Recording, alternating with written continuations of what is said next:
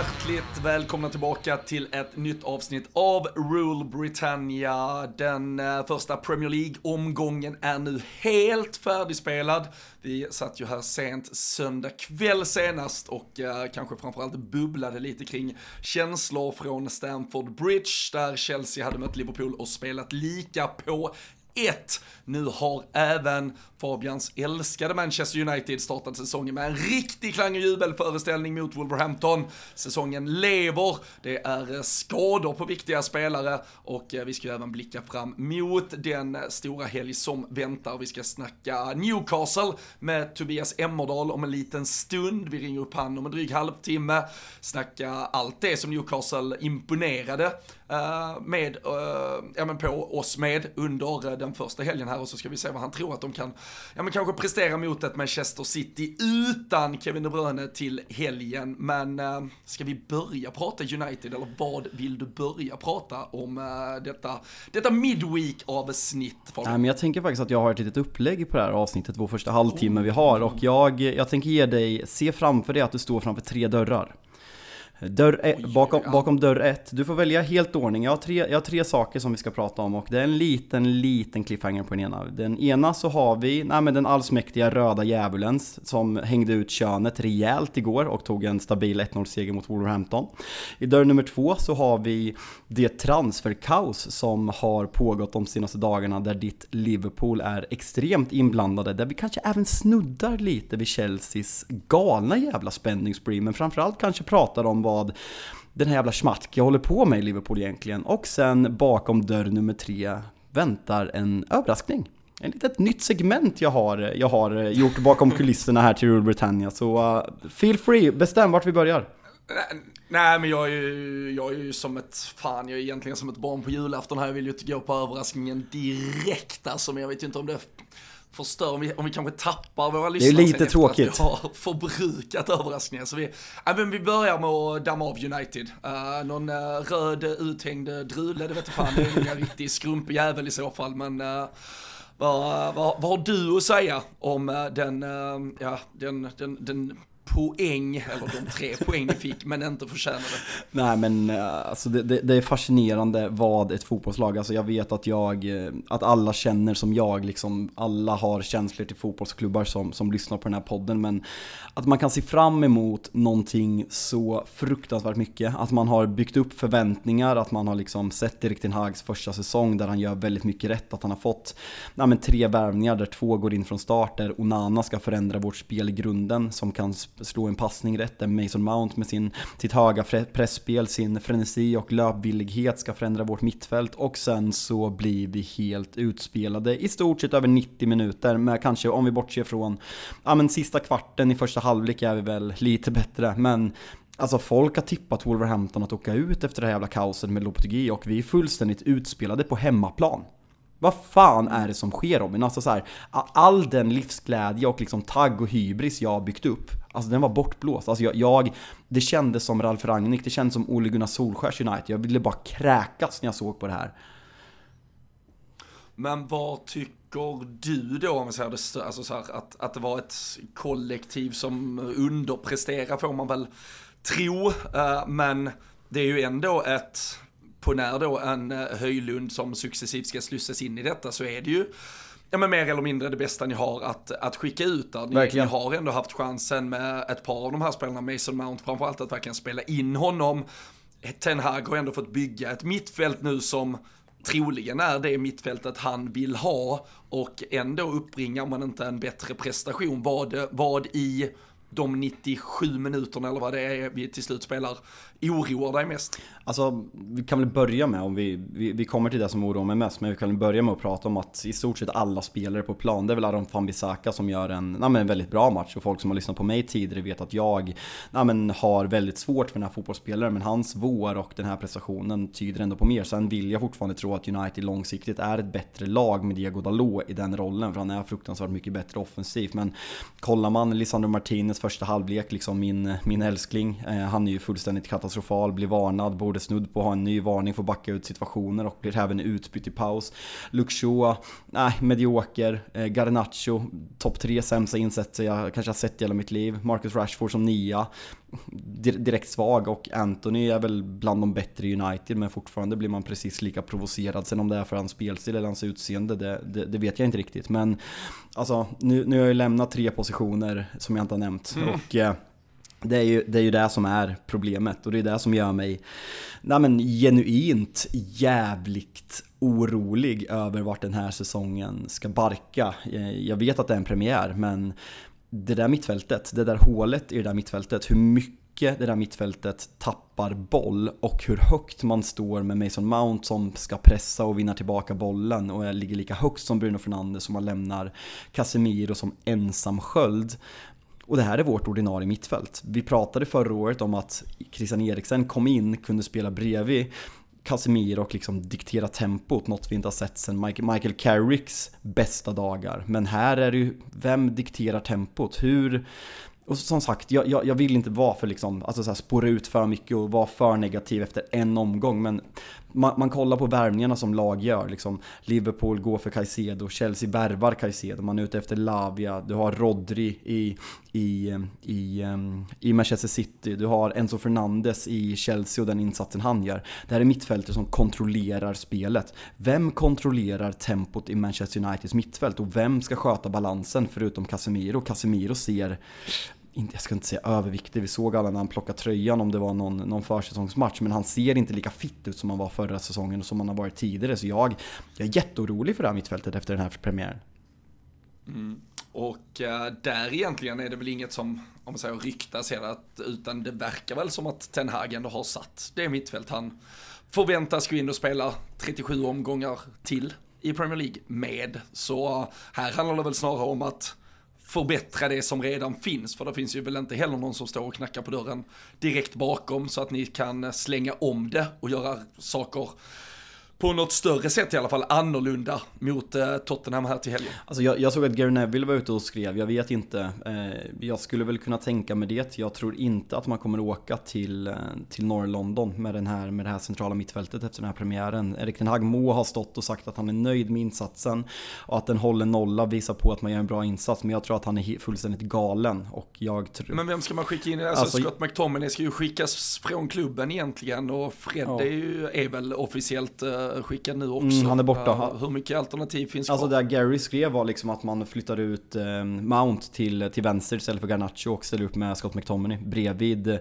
bredvid. Sen är ju det liksom långsiktigt, det är fortfarande ingen som kan kontrollera spelet men du får i alla fall en sköld och var det något Tottenham var bra på så såg man väldigt bra offensivt ut och det är där James Madison huserar och sen så kan man även liksom, ja men Dejan och Son på kanterna, liksom få Dejan, Son och Richarlison och James Madison de chanserna som Wolverhampton fick så smäller det rejält. Sen är det Amrabat har ryktats, sen vet jag inte om det är liksom connectat till, till, eh, till Scott McTominays eventuella försäljning. Nu, nu har ju Guardian och, och The Athletic skrivit att eh, Harry Maguire till West Ham är off, att han, nej men att han inte vill gå ner så mycket i lön, att han kräver United på mellanskillnaden över kontraktslängden på två år. Så han är mer än nöjd med att stanna i Manchester United och man, man hoppas ju eh, att Gareth Southgate gör det enda rätta och petar honom och aldrig låter honom spela i engelska landslaget. Han är så jävla egoistisk och greedy, den jävla pissluffaren. Ah.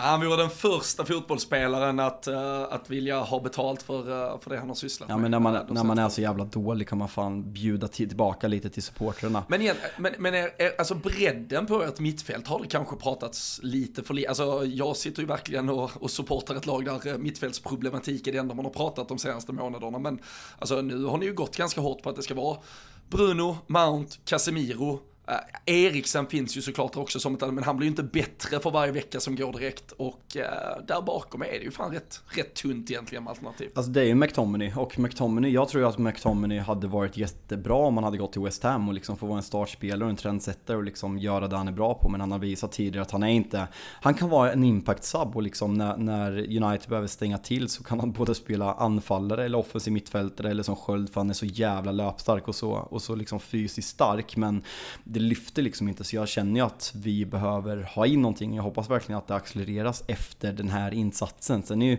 sen är grejen också, om man har lagt 55 plus 10 för Mason Mount du måste hitta en roll för honom och liksom långsiktigt ska, ska Bruno, vi såg i slutet av förra säsongen när Eriksen var skadad att Bruno Fernandes gick ner och spelade lite mer sittandes för att diktera tempot. Han kan göra det men inte i de stora matcherna där, det defensiven krävs. Eh, så det, det, det är jävligt oroväckande. Fan, vi måste, vi måste bara, jag, jag, liksom, jag lyssnade på, på Tuttos Premier League special och eh, två av, två av tre hade Wolverhampton att åka ut men eh, Alltså vilken match de gör. Den såg man inte komma. Alltså vilka, vilka, ja, men vilka fina fotbollsspelare och vad starka man är omställningsmässigt. Och den här matchen, det är ju bara målskyttet som saknas. För man, man förtjänar ju alla tre poängen. Vi har inte ens kommit till straffen. Det känns, det känns gjort att prata om den.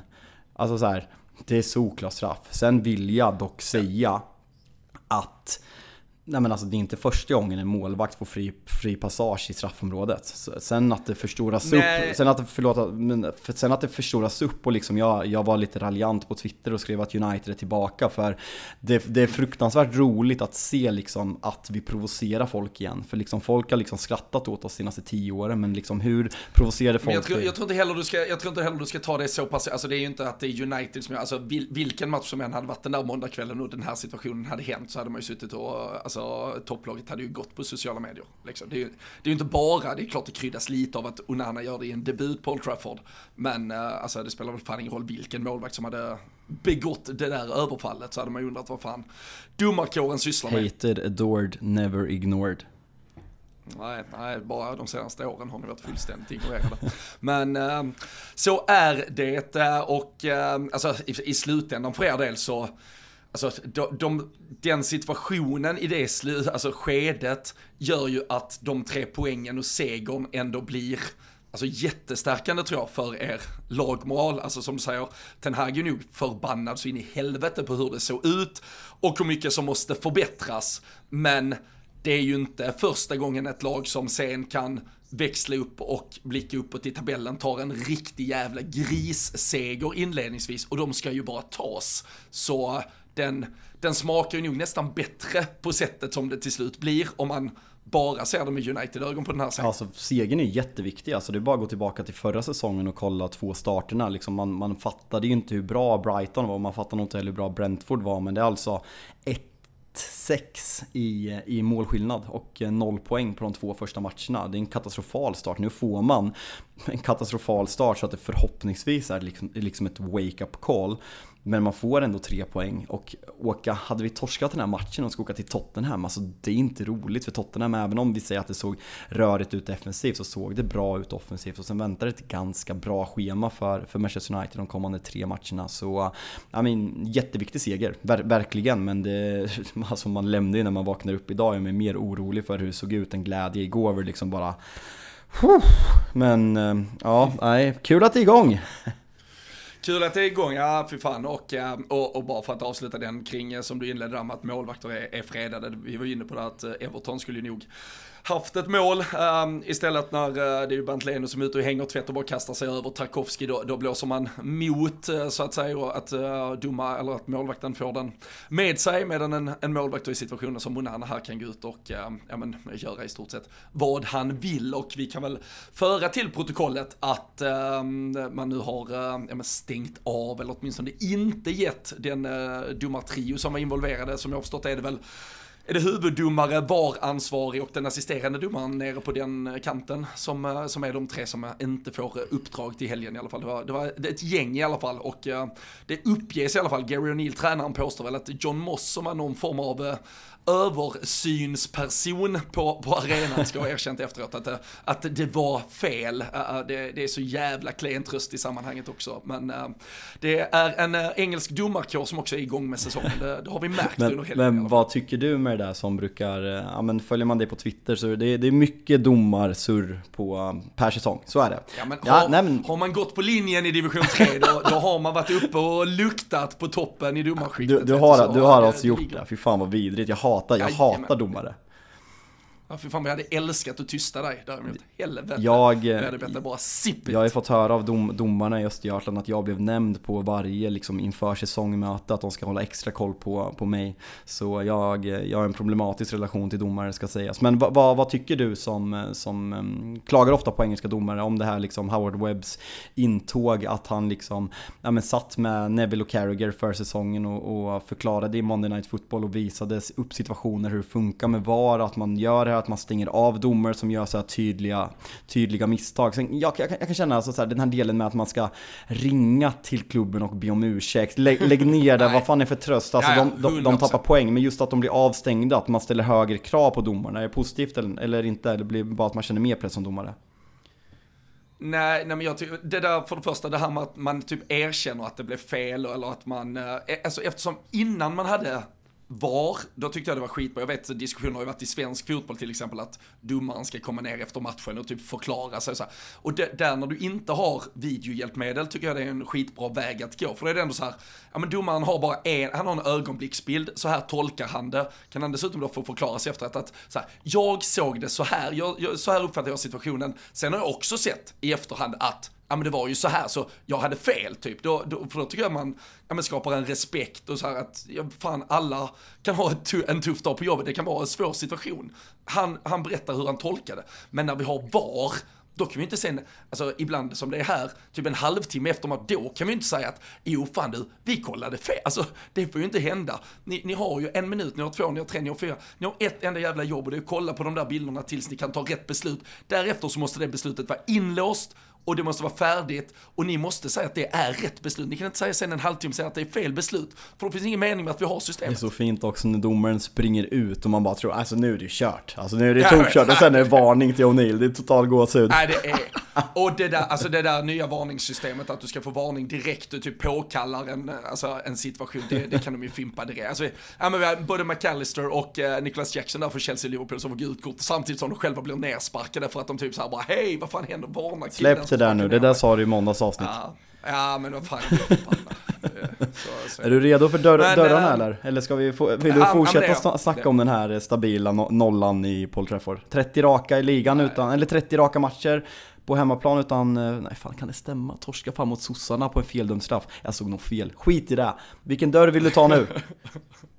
Nu eh, tar vi överraskningen för att liva upp stämningen Och då är det faktiskt så här att vi kommer ha ett nytt segment i Rule Britannia som, eh, ja men lite svävande vilken dag det kommer bli, men oftast på vårt torsdagsavsnitt. Och det är faktiskt Marcus Tapper som är en flitig medlem i vår systerpodd Tuttosvenskan som kommer ge oss ett svensk svep från helgen. Vi har ju faktiskt ett gäng Premier League-svenskar, så jag tänker att eh, vi lyssnar på det här.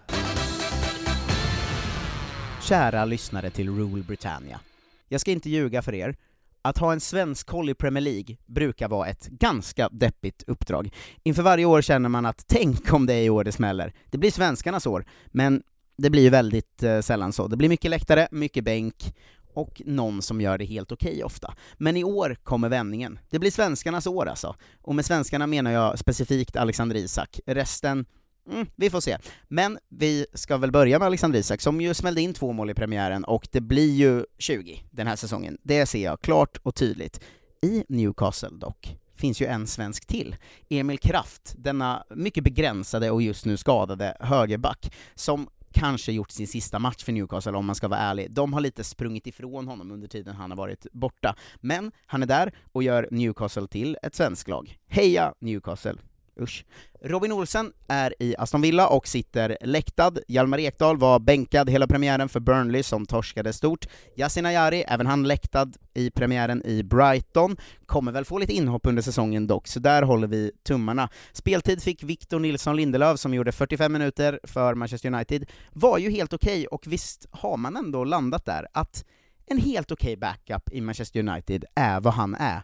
Och det är jättebra för att vara svensk. Go, Victor Nilsson Lindelöf. Dejan Kulusevski började med en ganska grå och blek insats för Spurs som kryssade bort sin premiär, och sist ut har vi Anthony Elanga som jag, om jag ska vara ärlig, hade lite gett upp på. Jag kände att det var över där, det blir ingenting. Men här i premiären för Nottingham Forest mot Arsenal får han ett inhopp, ordnar själv fram målet. Det blir alltså 2-1 och det är ju hans mål ändå, hans vi, vi, säger att det bara är hans mål, och vi säger så här att helt ensam hoppar Elanga in och håller på att vända matchen mot Arsenal. Nu blir det förvisso förlust, men kan vi inte i alla fall säga att han själv höll på att vända matchen mot Arsenal, som alltså är topptippade? Vilken succé av Anthony Elanga, som på fredag går ut mot Sheffield United hemma, och då blir det ju det blir mål av Anthony Elanga på fredag. Lassa allt ni har. I helgen kommer vi också se det heta svenskderbyt mellan Tottenham och Manchester United, förutsatt att Victor Nilsson Lindelöf får någon speltid. Och vi kommer såklart se Alexander Isak sänka Manchester City borta för sitt Newcastle. Nu kör vi, det blir ett svenskår. Go gula, go go blåa!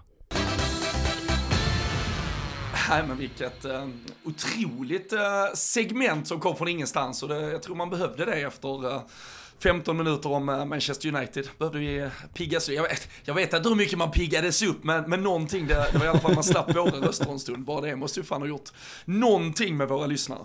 Ja, nej men eh, Vigge 45 minuter hade vi kunnat prata 45 minuter om också, det, det är stort. Men fan vi får lösa en jingel till det här tycker jag, så har vi det här. Det, här. det här ser jag fram emot att följa under säsongen och Tapper har ju haft en podcast som heter Kolla Svensken, så han har ju bra koll på svenskar ute i Europa, så uh, känns som en perfekt, uh, perfekt, uh, ja men liten extra deltagare i Britannia för att, för att bidra lite.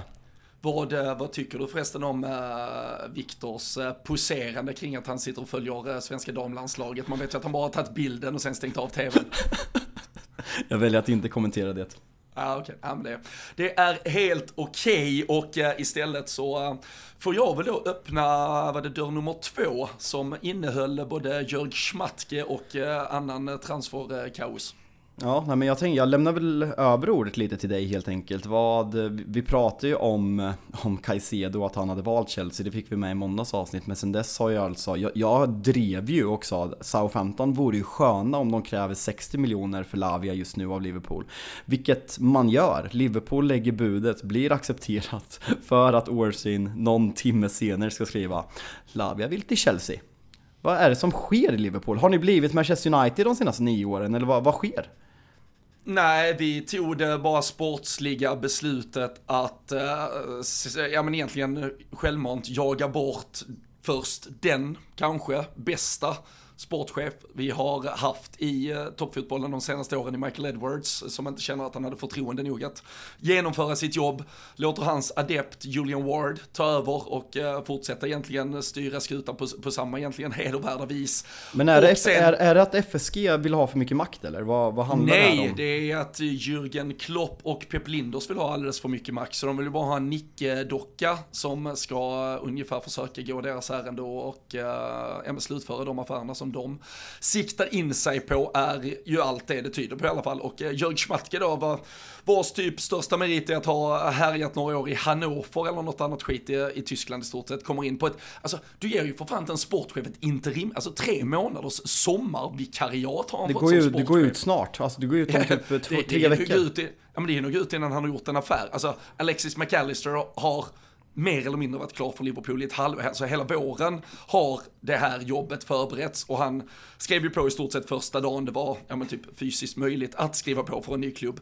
Soboslaj, han köper vi på utköpsklausul utan egentligen konkurrens med andra klubbar. Det betyder att de två affärerna vi gör, det är egentligen ett icke-jobb för en nyrekryterad sportchef. Och det enda jobbet han hade kvar, det var ju att bygga om mittfältet på de övriga positioner som fanns.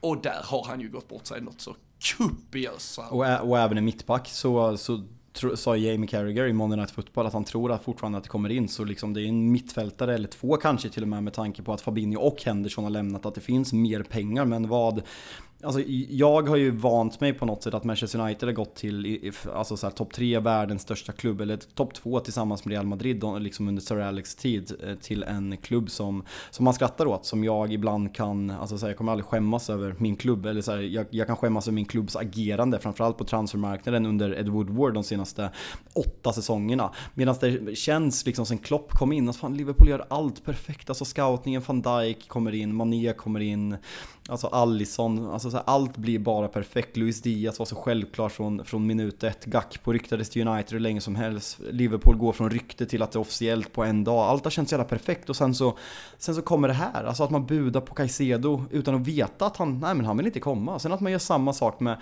med Lavia. Alltså man gör ju sig själva till åtlöje. Och nu vet ju klubbarna hur mycket pengar Liverpool har. Så nu kommer det ju vem man än vill ha. Chomini vill ju inte heller komma trots intresse. Skrev de ut på The Athletic också. Så klubbarna som ska sälja en, en sexa till Liverpool, de vet ju hur mycket pengar som finns. Så det här kommer bli minst 10 miljoner pund dyrare än vad det egentligen hade blivit om man hade agerat tidigare. Ja, nej, alltså budet på, på Caicedo blottar ju, blottar ju handen fullständigt kring alltså vilka ekonomiska muskler som ändå finns där och eh, det gör ju också att du kan ju heller inte sitta faktiskt och vara så här FSG out-maffia som, som rätt många vill vara på sociala medier för, för pengar eh, är vi ju tydligen beredda att skjuta till. Sen måste ju vår sportchef och eh, sportsliga ledning i övrigt kunna ja, men förvalta pengarna, göra något av pengarna och omsätta de där pengarna i, i transfers. Och sen, så här, alltså, jag, jag tycker det är jätteilla skött med Caicedo. Du lägger inte det budet om du inte har garantier. Sen verkar det väl kanske som att Caicedos eh, eh entourage runt sig där har varit riktigt, eh, alltså pissiga. De har verkligen blåst Liverpool och nog satt sig i en situation där ingen vill egentligen ta i ja men tar ju dem med tång eh, framöver heller. Men det behöver ju Caicedo och hans team kanske inte tänka någonting på när de har ett 8 plus 1 års kontrakt med, med Chelsea nu här. Och Olavia, samma sak där. Alltså där, jag tror det är pengarna i Chelsea som, som faktiskt är alltså enorma, vi måste förstå de här långa kontrakten, hur mycket pengar det binder upp de här spelarna på möjligheter att tjäna eh, på ett första bräde. Och eh, när Liverpool inte agerar tidigare när Lavia förstår att Chelseas intresse finns, då, då förstår jag också att han kanske är, är med. Och jag tror inte heller han hade varit, varit så jävla garanterad speltid i Liverpool. Jag vet inte hur mycket garanterad speltid han kommer att vara i Chelsea heller. Men uh, jag, jag tycker det bara det är dåligt Jag har ju varit för att Liverpool har vandrat iväg från den där affären redan när den passerar 40 miljoner liksom. Så jag är ju absolut inte för att vi ska eh, splasha 60 för eh, Romeo Lavia. Då finns det enligt mig bättre alternativ och jag tycker mycket mer vi ska fokusera på ett, ett alternativ, alltså liksom bara rycka ett namn ur hatten men en Jao Palinja som kan gå rakt in och spela på lördag mot Bournemouth istället för att eh, fundera på något annat. Ja, otrolig spelare, men, men om vi så är det bara pengarna? För vi vet ju alla liksom Caicedo med 8 plus 1 kontrakt där man enligt Uefas nya regler som jag har fattat det får göra avskrivningar på fem år. Eh, men är det bara att liksom lönen är så mycket högre, sign-on är så mycket högre eller är det liksom att de, de får den här garanterad över lång tid? Caicedo är ju liksom 21 år så det känns ju som att om inte han blir skadad så kan han ju liksom skriva ett sexårskontrakt med Liverpool för att sen förlänga det eller liksom få en övergång till en, till en annan klubb. Så liksom ekonomiskt känns det ju liksom de här tre åren som Chelsea kan erbjuda mer känns ju som en alltså så här, liten sak om man jämför liksom med Alltså vart man vill spela. Att det är så tydligt, gör, liksom att Chelsea, ja. Ja, gör, gör matten på, på de tre plus ett år, alltså hade han fått ett femårskontrakt kontra vad som mycket väl då, beroende på hur exakt det är uppbyggt, är ett nioårskontrakt så är det rätt många miljoner mer han har låst upp genom att skriva på för Chelsea kontra att skriva på för Liverpool. Och uh, det, det, tror jag inte agenter och annat hatar. Så det, det är klart det finns en, en ekonomisk aspekt i det. Sen, sen som sagt att, att Liverpool kommer in i förhållande, vi brukar ju snarare vara den klubben det är ju det som är häftigt med sättet som vi värvade till exempel en van Dijk, då var vi ju inte heller på den absoluta världen, men ändå så är det vi som är klubben som får garantier av van Dijk att, ja men sitt still i båten, nu sket det sig under sommaren, vi löser det i januari, han är med på noterna, han går till oss istället för andra klubbar och eh, nu är vi ju ja, men lite omsprungna där och det är ju för att vi har nedmonterat det som var den typ bästa sportsliga ledningen i Europa.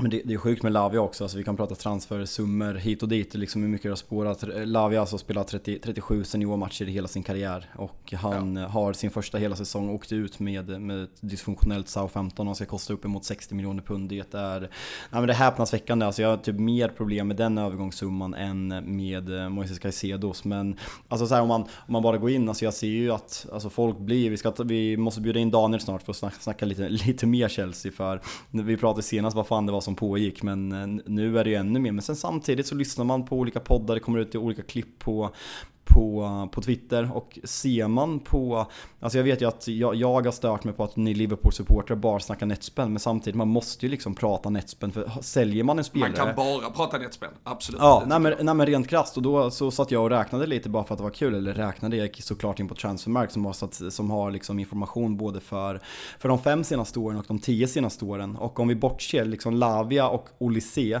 som sägs, som Chelsea sägs ha aktiverat utköpsklausulen på ungefär 35 miljoner pund.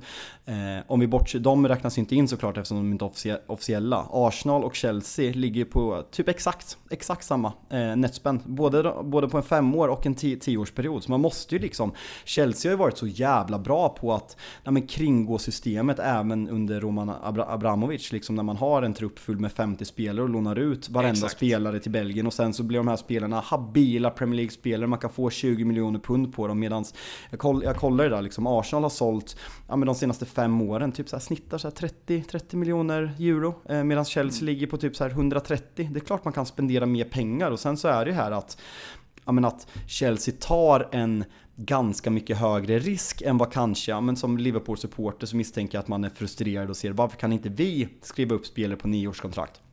Man är uppenbarligen, alltså FSG är uppenbarligen inte villiga att ta den risken som Todd Bowley och hans gäng är villiga att göra. För det är liksom, ja, men blir det någon långtidsskada, värdet går ner på spelaren så, så är det ju ett jävligt, alltså high risk, high reward. Men eh, man lyckas och liksom så här, kolla på netspend innan ni bara sitter och skriker Hur kan Chelsea klara FFP? För liksom så här, det är ganska, jag förstår att man är frustrerad men det blir ganska platt när en klubb som Arsenal som liksom sett som, ja men det har varit protester mot ägare ägare. Liksom, samma sak med United. United ligger etta på netspend både på 5 och 10 år. Så United och Arsenal är de två absolut mest misskötta klubbarna sett till framgångar, sett till värvningar. Så uh, kika lite på det där innan man bara skriker Nej, men det, fusk. Det, det, så att, ja, vi, vi, vi la väl till och med på en liten eh, moodslinga när vi satt och pratade allt som Chelsea hade lämnat när vi, eller alltså skeppat iväg när vi gjorde vårt uh, införavsnitt på dem. Och det var, det var kanske inte allt till, till jättestora prislappar, men det var ju ändå alltså idel olika 20, 25, 30 miljoners eh,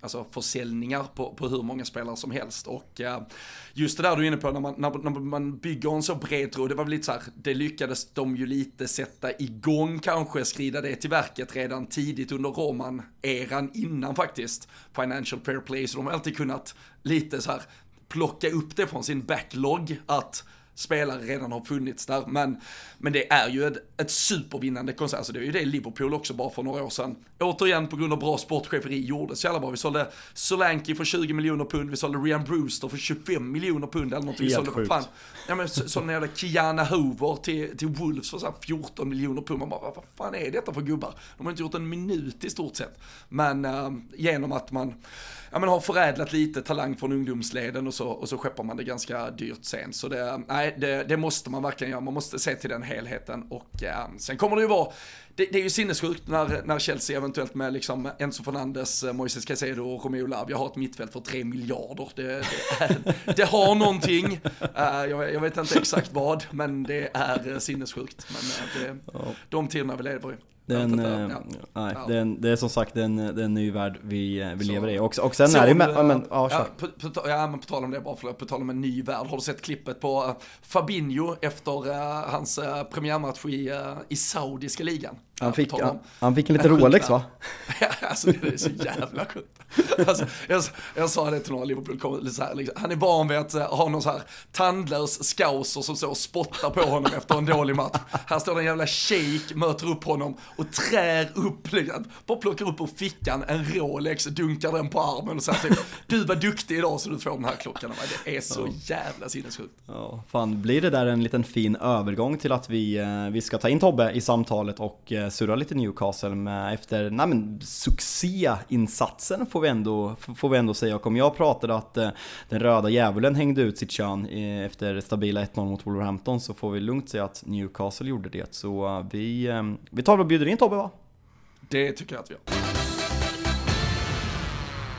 Vi gör eh, detta avsnitt eh, i samarbete med Telia. Och eh, det vi gillar med Telia Fabian, det är ju att man kan samla alla sporter på ett ställe. Och då menar vi verkligen alla hur eh, smart är inte det? Ja, i höst kan man alltså exempelvis kolla när Premier League och Champions League drar igång, samtidigt som man kan följa slutspurten i Allsvenskan och gruppspelet i SHL.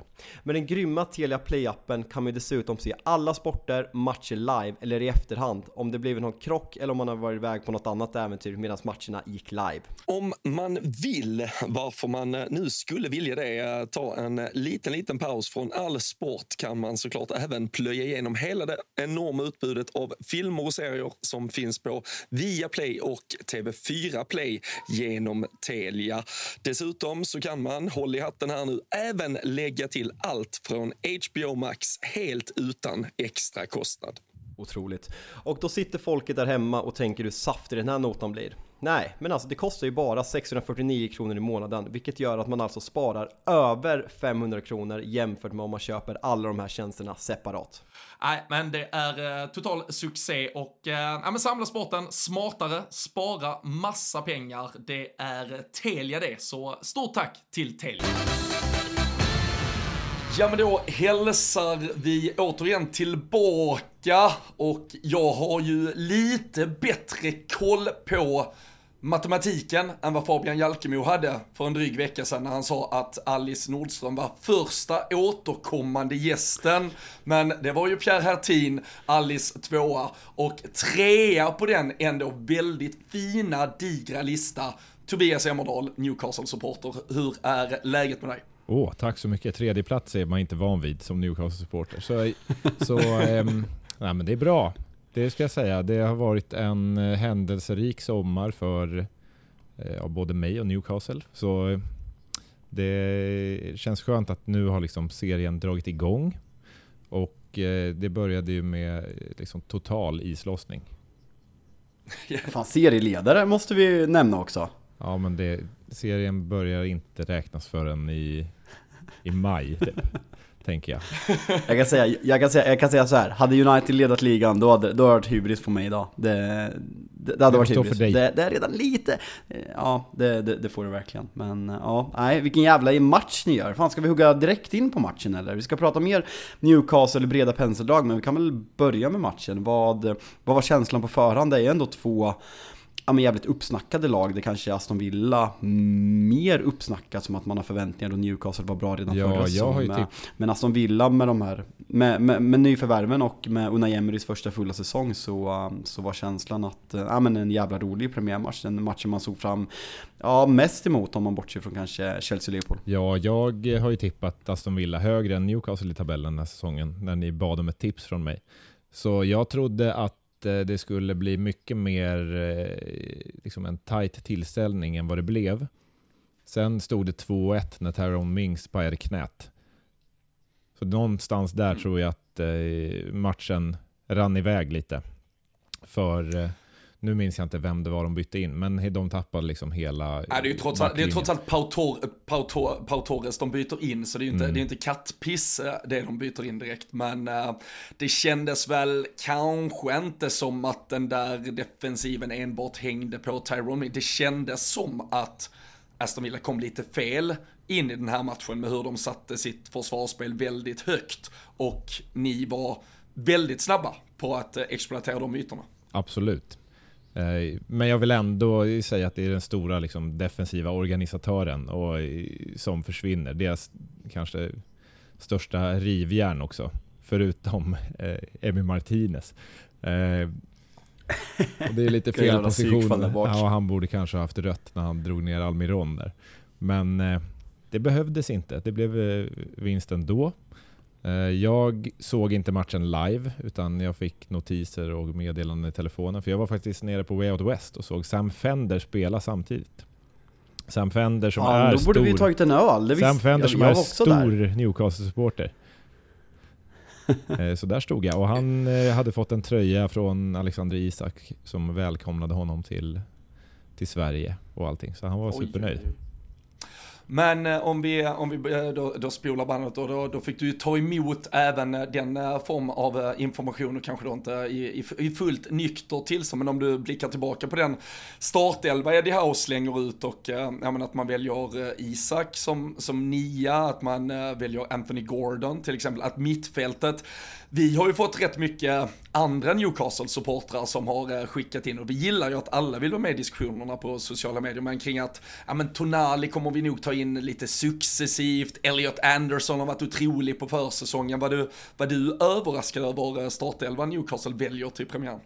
Ja, det måste jag säga att jag var. Jag trodde att, för så som det såg ut när eh, Bruno Gimares till exempel värvades in, så slussades han in sakta, sakta. Han fick en kvart här, 20 minuter där. Det var väl samma med Sven Bottman Ja? Bottman eh, fick också sakta slussas in, även om det gick snabbare för Bottman.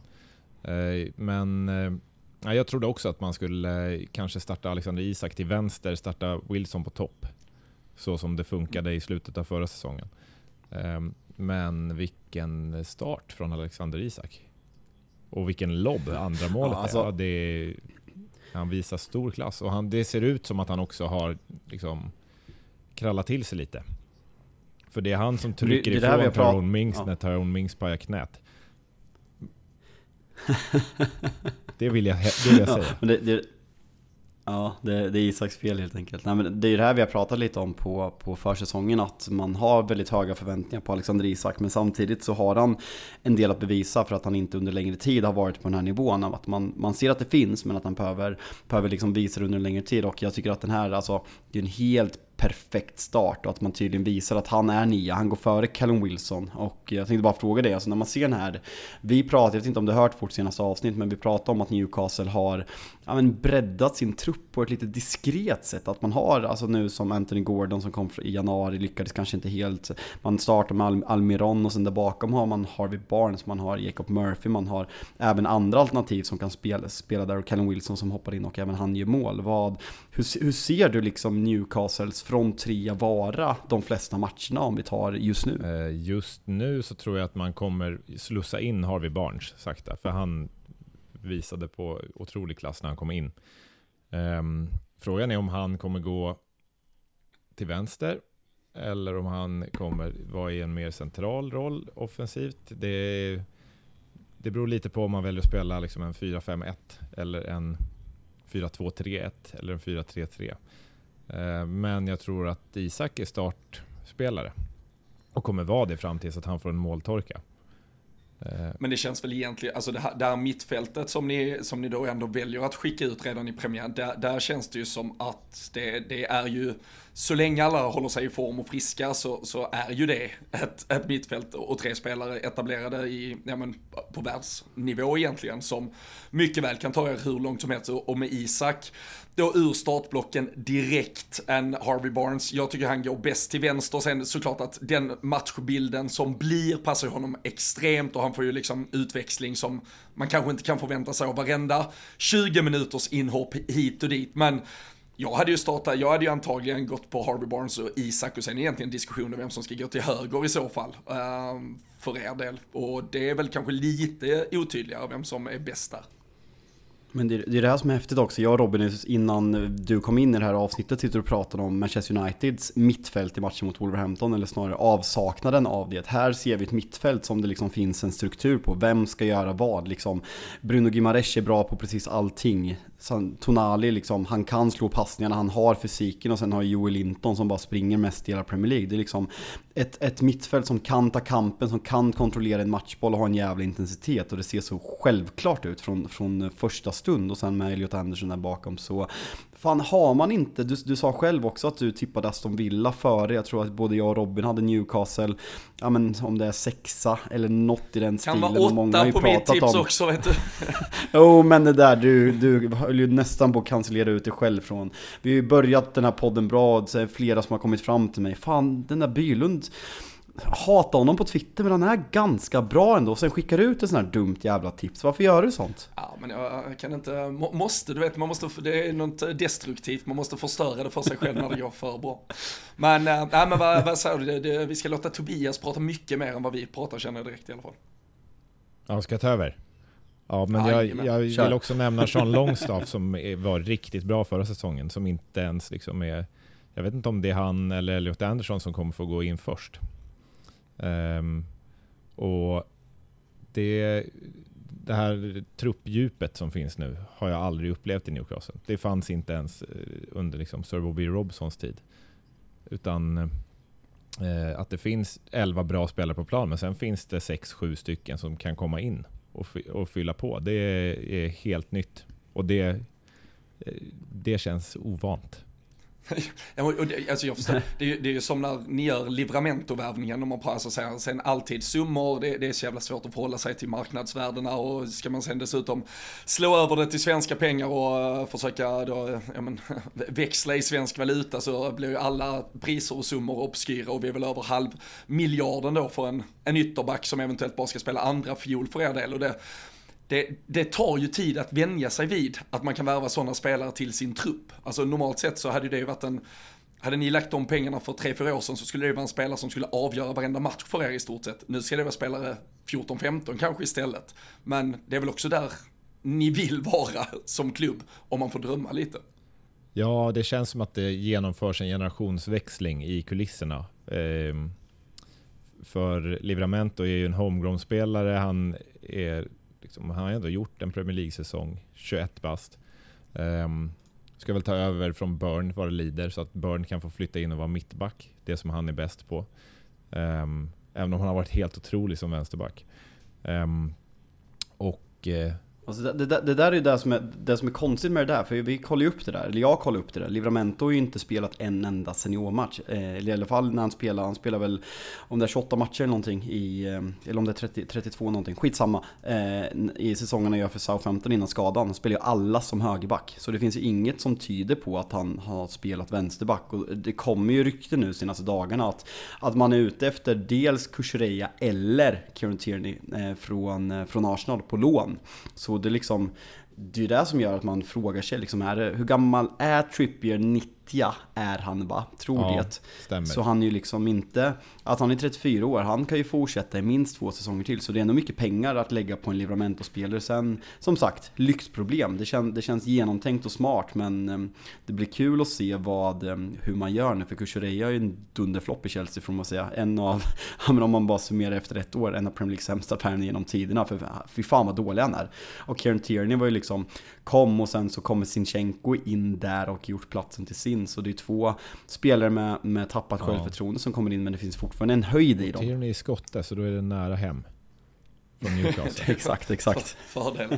Men där egentligen, alltså Kieran Tierney känns ju mycket mer som en, ändå om man säger uppgradering på Dan alltså Cucurella, då får man ju något helt annat. Alltså då får du ut en, eh, snarare en wingback som vill flyga längs kanten och som eh, lämnar en svajig defensiv och inte mycket kvar att önska där. Så Kieran Tierney har ju mycket väl kunnat, alltså han är mycket mer, han är skolad både att gå in i en trea också eh, försvarsmässigt, där man då kan skicka fram till eh, Trippier på högerkanten. Så Tierney känns ju egentligen som ett klokare alternativ, om det nu är så att ni ska fylla på med en vänsterback. Men Eddie Howe sa väl efter matchen mot Aston Villa att i en drömvärld så vill han göra en värvning till och så fick han lite, eh, liksom, eh, lite, lite glansiga ögon kändes det som. Så jag vet inte eh, vad som händer i kulisserna, men en spelare till in, vad, vad hade du önskat i så fall om du fick eh, drömma fritt? Nej, men det är väl just den positionen, vänsterbackspositionen, att ha en tydlig eh, Premier League-erfaren, eller i alla fall internationellt erfaren vänsterback. Som Eddie Howe får handplocka, för han har handplockat allt rätt hittills. Eh, och eh, ja, det är väl vänsterbackspositionen skulle jag säga. Mittback är täckt. Mittfältet är bra. Det finns både yttermittfält och forwardsalternativ. Så ja, vänsterbackspositionen. Mm. Om du hade fått välja just på Cucurella och Tierney, om det, alltså det är två namn som bara bubblat upp, vad, vad hade du valt där? under Potter i Brighton så var ju Cucurella fantastisk. För det, han kostade ju de där pengarna av en anledning. Och jag vill hoppas att det bara var dålig organisation i Chelsea förra året. I sådana fall, om han skulle dyka upp. Det, jag litar helt och hållet på vad eh, Dan Ashworth och eh, Eddie Howe kokar ihop. Samtidigt är det så konstigt med, med, med Kushreya just att, alltså, det är klart att man kan prata om Chelsea förra säsongen, men jag tyckte att man fick en fingervisning på att Pochettino inte tror på honom heller när, när både Reece James och sen Chilwell går ut i slutet också, att han inte kommer in, att man sätter in andra alternativ där, så det visar att Pochettino inte tror på honom heller. Men gällande det där, jag, jag drog ju en lång, det, det, det var på väg att vara en fråga, men både jag och Robin svävade iväg gällande att vi har har man underskattat Newcastle lite? Vad ska man ha för förväntningar? Vi, vi pratade i förra avsnittet att man ska inte dra för stora växlar av en omgång, men det är svårt att inte imponeras av den här matchen och känslan när man ser ja, med stämningen på St. James's och den här liksom frenesin från laget. Hur fan ska ni torska hemma ens? Det känns som att man ska, att man har underskattat Newcastle helt enkelt. Vad, vad känner du som supporter? Ja, alltså det är gynnsamt för Newcastle att Mings går sönder och att hela backlinjen och försvarsspelet Släpp havererat. Eh, men det jag kommer in på någonting annat med Mings här. Och det är ju att Kevin De Bruyne gick sönder för City. Så i nästa match så kommer man möta ett City eh, som är inte det som man är van att se. Så om Newcastle vinner där så kommer det ju vara så här, ja, här har vi framtida ligavinnarna efter två omgångar och så är det liksom två stycken jätteviktiga kuggar i två lag. Och sen har ni Liverpool på St. James's uh, ja, veckan efter. Och så har, Då tar vi ner på och så har Salah och Klopp bråkat och så är det liksom tredje gången så sitter han Sa Salah till Saudi. Ja. Eller så värvar ni Salah innan ni ska skeppa han till Saudi. Vilken högerytter han hade varit i ett ja, lag. Men det är, fan. Jag tror att det är financial fair play, den luppen är nog mycket det, på Newcastle. Det är bara att ta ett snack med Todd Bowley så, så, så löser sig allt som har med financial fair play ganska mycket. Jag satt och läste ja. siffror på det. Eh, men nej, det... Jag tror inte att vi har underskattat Newcastle, för det kommer spelas en herrans massa matcher och det kommer bli slitning på den där truppen. För jag tror inte att alla är vana vid den intensiteten liksom, i själva, eh, ja men hur tajt det blir mellan matcherna. Eh, som Hur? United City, Liverpool, Chelsea och alla de här är. Hur tror du nu, nu har vi ändå pratat upp då truppbredden och att alltså, fler alternativ finns, men hur, hur mycket tror du att Eddie Howe, jag tycker i alla fall när man lyssnar till honom, att, att fokus fortsatt är att etablera sig som ett, nu får vi säga det kanske blir ett topp 5-lag och att det är det som räcker med tanke på det nya Champions League-formatet framåt. Men, men just den här vikten av att fortsätta bara etablera sig i Premier League-toppen kontra att göra en, en jävla resa i Champions League redan denna säsongen. Kommer det ändå vara så kanske att ligaspelet är högst prioriterat? Det, det är såklart en situation man gärna vill vara i där man kan prioritera båda, men de få gånger det behövs kanske göras avvägningar. Kommer ligaspelet ändå vara det som blir viktigast för Newcastle så att man etablerar sig i toppen ett par år till? Jag vill avvakta Champions League-lottningen innan jag uttalar mig. okay. För, det jag vill, för då kan det bli gas. Sarg ut direkt. Ja, ja, ja. Okay, plexi okay. ut. Ja, men du, ja, plexi ut, den ska skickas. Ja, okej okay då. Så, så lätt lottning, då är det bara gas eller? Nej, men det är det är så otroligt kul att se när Newcastle-supportrar är ute och reser. Och allra mest i Europa. Det, det liksom, eh, jag minns tidiga, tidiga Twitter-videor från när Newcastle-supportrar är nere i Portugal 2013. Eh, fan, höll på att slå ut Benfica där i kvarten i Europa League. Det är ju senaste säsongen som det var Europa-äventyr. Eh, men nej, det, det eh, återstår att se vad jag eh, svarar på den frågan. För blir det en pisstuff Champions League-lottning, då tycker jag bara att ja, det får bära eller brista och sen så fokusera på ligan. Men är det en gynnsam Fan. lottning, då jädrar. Fast grejen är alltså med Champions League-rankingen med att alla seriesegrare blir e- första sidad så är det i stort sett bara en lottning som innehåller amen, Barcelona och Eh, och, eller om, om vi tar liksom, nu kan det inte vara dem, men om vi tar, säger att ni får PSG och Real Madrid som ett, etta och två sidad. Det är typ den enda lottningen som Newcastle inte är förhandsfavoriter att gå vidare från. Liksom en andra plats i, alltså får ni, får ni Napoli och eh, och sen något, alltså såhär Dortmund, alltså då, det är Newcastle favoriter att gå vidare för i min värld. Sen är jag Premier League-runkig, absolut, men jag, det är fan väldigt få grupper som Newcastle som de ser ut just nu och såg ut förra året och med hur, hur tuffa de är på att möta på hemmaplan som jag inte ser Newcastle som favoriter att ta sig vidare från gruppen. Oj, otroliga förväntningar. De kan jag... Kommit en bit på 18 månader ja, och nu är ni favoriter att gå vidare i Champions League Från också. Från att liksom Steve Bruce klagar på fansen till det här. Till, till att Jalkemy lovar Champions League-slutspel. ja. Skulle snudd Men... kunna få garantera en semifinal alltså. Men alltså PSG, PSG-lottningen, är den så farlig nu då? Nej, exakt. Ni, ni, ni, ni tar till och med Barca och PSG, det löser ni. Bayern München och PSG, komsi komsi. Bayern München Real, kom då! Har vi underskattat Newcastle? Svaret är ja. Det var här vi landade. Det var här vi landade. Men, ja, men vi, får, eh, vi, vi tar oss vidare då och blickar lite på, vi ska, vi ska prata mer Alexander Isak, men vi, vi kan väl göra det i det sammanhang som ändå är då skyttekungsfighten som väntar på lördag kväll när ni som du nämnde åker till Manchester för möte med Manchester City. Erling Haaland mot Alexander Isak, vars två mål under premiärhelgen. Vad, eh, vad förväntar du dig för äh, men, typ av approach från äh, Newcastle när ni åker till Etihad på lördag? Jag tycker att det som har funkat bäst mot City är det spelet som vi spelade hemma mot dem förra året. När det var liksom stentuff press och bara gasen i botten. Eh, för så fort man ställer sig på hälarna mot det där laget så verkar det som att de bara nystar upp Newcastle. Det har hänt på Etihad, ja alltså det är 20 gånger känns det som. Eh, men det är ju med annat spelarmaterial såklart. Men så fort du liksom blir passiv mot dem så känns det som att de straffar en direkt.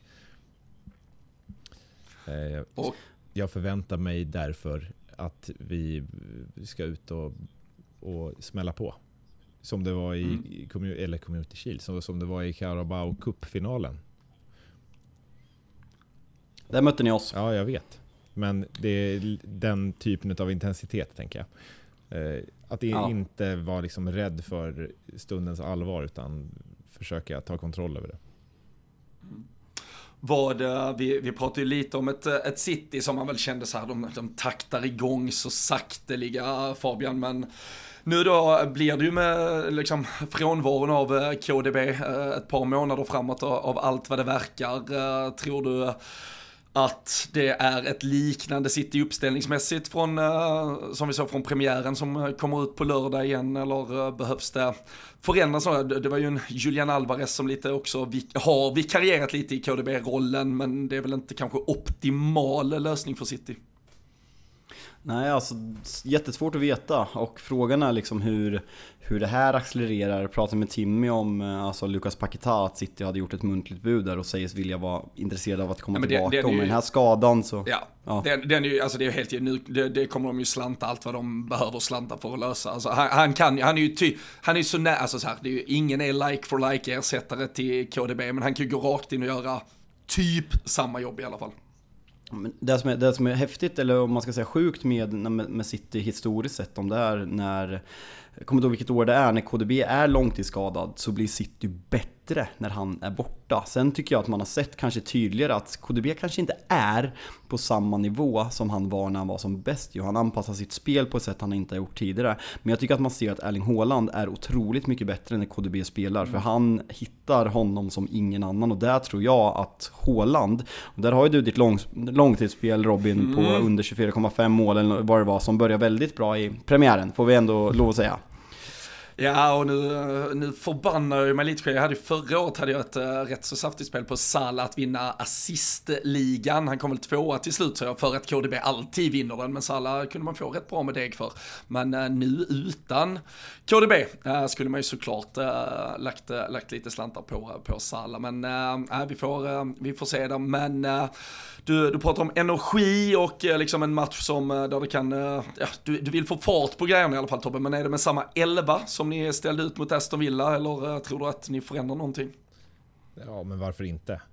Det, ska, man, ska man bänka någon från ett, fem, ett vinnande lag? Nej, det skulle jag inte Ja, göra. men du kan, man kan väl argumentera för att uh, Harvey Barnes är bättre den tiden han är på planen än Anthony Gordon till exempel. Uh, ja, men jag, jag gillade ändå Anthony Gordons insats i liksom frenesi.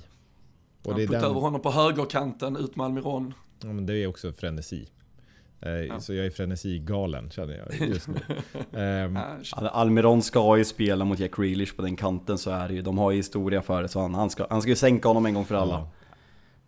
Men Jack like Grealish är nere i Peps, uh, Peps uh, frysbox nu vet du. Så det kan man stanna där länge. Vet man aldrig hur, hur, hur han tänker kring allting.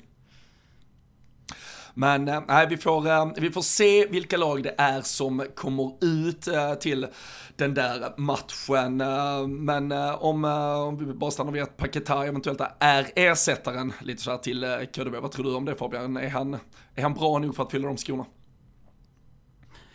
Alltså, ingen är tillräckligt bra att fylla Kevin De Bruynes skor, men jag tror att det är en väldigt bra värvning. Jag var väldigt skeptisk till honom och fattar inte. Jag har varit väldigt provocerad exempelvis i, i VM att han gick före Bruno Gumares, för jag håller ju Bruno Gumares otroligt högt. Men jag tyckte att han visade på, på West Hams Europa-run och när man höll sig kvar i Premier League förra året att eh, hur bra han är så kan han komma in i, i, i Real Manchester City. Sen vet vi av historia att det tar, brukar ta en säsong innan man kommer in i Peps lag, men får man in Kovas Kovacic och Lukas Paketa på den här positionen. Phil Foden kan även spela centralt så man, man har alternativ. Alvarez har också kunnat spela bakom Håland så man har alternativ. Sen absolut, alltså Citys trupp är på pappret sämre än förra säsongen. Eh, det ska vi ändå ha med sig medan om man kollar på, på trupperna runt om så har alla förstärkts. Så det här, vi har ju pratat Robin tidigare i podden om att City Alltså så att vi hoppas att de andra lagen kommer ta poäng av City så att det liksom inte krävs lika de här 90-95 poäng för att vinna ligan. Och det här ökar väl chansen ännu mer att det kommer bli en jämnare topp när,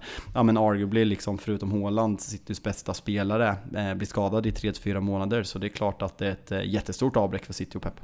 Sen eh, det man, det man annars mest ser fram emot det är ju hur packade hela bortakurvan kommer vara när det är avspark 20.00 lördag kväll engelsk tid i, uh, i Manchester. En uh, procentuell gissning på antalet bara överkroppar. Ja, det, det, det är 80% bar Uber och det är 100% stenfylla på alla som kliver in på Etihad. Ja. Det kommer att vara 30 grader i Manchester, det är alltid på, på, på sommaren. Det är inget regn inte. Fy fan Manchester, herregud. Så jag höll på att regna bort här bara för någon, någon dagar sedan. Ja, det, det, gör det i Norrköping också ska jag säga. Jag såg Johan Kücükaslan som, som uh, fyllde år, uh, firade den på Manchester Airport. Det var, det var ljusa scener som han la upp på Instastory. Ja. ja, men det låter bra det. Ska du, eh, ska du skicka med ett litet tips hur du tror det, det går då? Lördag kväll, City Newcastle, tar ni andra raka segern och behåller täten i Premier League-tabellen? Nej, kryss 2-2. Taget. Eller vad säger du Fabbe? Ja, verkligen. Det är, det är ett perfekt resultat för oss. Jag vet inte om vi är titelutmanare efter, efter måndagens match. Men här ska du vara jävligt försiktig. ah, ja, det, har vi, ja, ja, det har vi pratat tillräckligt om, så det lämnar vi där hän. Men äh, en äh, jävla Lördagkväll har vi framför oss, eller eh, ja, men hela lördagen, det är ju mitt älskade Liverpool går ut mot Bournemouth kan man ju börja mjuka upp med klockan fyra. Sen är det två stormatcher på kvällen. Eh, något vi ska avsluta med Fabbe, innan vi stänger igen butiken? Nej. Nej men vi får väl säga till alla att vi drar igång Tutolaj Weekend på, på lördag med start 11.00 där vi såklart kommer prata mer om de här matcherna och kanske fokusera ännu mer på ja, men matcherna mellan Tottenham United och eh, Manchester City och Newcastle och sen drar jag även Serie A igång och sen är vi igång för full kareta så kika in på YouTube på Tutolaj Weekend på lördag från och med klockan 11 så får ni se både mig och Robin. Oj, Exakt, det ska man absolut göra. Sitter du bänkad Tobbe och följer Jajamän. oss lördag förmiddag? Jag sitter ja, och kör via Play-sändningen från start till mål. Jag kör ett, oj, oj. ett nätt 12 timmars pass där, så det blir kanon. Jag kommer följa er på kör ni vad, kör ni 15 till, när, när fanns det? Ja, 15.30 tror jag skulle öppna upp va? Ja, men jag, jag, jag, är, jag är bokad från 12 till midnatt, så det är 12 timmar. ja, det är succé. Ser vi dig glida in på knä i studion när uh, ja. Almiron hänger in 1-0 i 93. Precis, nu vet jag inte vem det är som är studioankare, men hälsenorna får passa sig. Ja, det är underbart. Nej, det blir en eh, lördag att se fram emot. Eh, ni eh, vet väl också att ni kan, om ni vill, om ni är 18 år fyllda och inte har problem med spel, för då finns stödlinjen.se, så kan ni gå in på atg.se och kika in alla oddsen inför kommande Premier League-omgång också. Det vet ni att där kan man hitta riktigt bra godbitar inför varje jag, jag lägger jag Jag ligger 5-1 Newcastle på lördag. Ja, Det- ja men det, jag, jag, jag ryggar den, så, så ser vi hur det går. Man lär få bra pröjs på ATG.se i så fall i alla fall. Men eh, vi eh, tackar Tobbe, eh, underbart att ha dig med. Lycka till på lördag kväll, lite sådär lagom mycket i alla fall.